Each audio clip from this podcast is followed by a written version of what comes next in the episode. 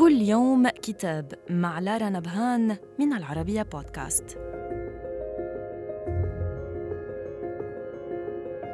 نتناول اليوم كتاب The Road to Unfreedom أو طريق نحو اللا حرية للمؤرخ الأمريكي تيموثي سنايدر يجادل فيه إيفان إليان الذي رأى في بنيتو موسوليني وأدولف هتلر نموذجين يحتذيان لإعادة اختراع القيصرية الروسية بعد أن أسقطها البلاشفة في 1917 ويمثل مصدر الإلهام الأساسي لسياسات بوتين وتوجهاته السياسية وأن الرئيس الروسي اعتمد على نظريات هذا المفكر دون غيره لشرح أسباب توجه روسيا إلى تقويض الاتحاد الأوروبي وغزو أوكرانيا.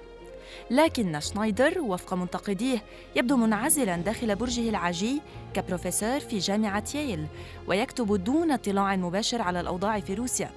لا سيما أن بوتين لم يذكر إليان على الإطلاق عند التحدث عن الاتحاد الأوروبي أو أوكرانيا وإن كان استشهد به أربع أو خمس مرات في خطابات متفرقة.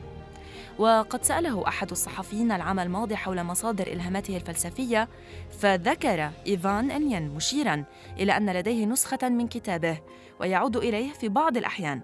لكن ذلك لا يعني بالضرورة أنه ملم بكل أفكار هذا المفكر المتفرقة في أكثر من ثلاثين مجلداً وعلى الأغلب وفق بول روبنسون الخبير في الشؤون الروسية فإن بوتين كان يشير بقوله كتابه إلى نسخة لمجموعة من المقالات نشرها لين في أوقات متفرقة وجمعت تحت عنوان مهامنا وهي نسخة شعبية واسعة الانتشار في روسيا ولا تشير بأي شكل إلى أن الرئيس الروسي خبير بشكل خاص في أطروحاته التي يتداولها مفكرون روس كثيرون من أقصى اليمين إلى أقصى اليسار. وإلى اللقاء مع كتاب جديد.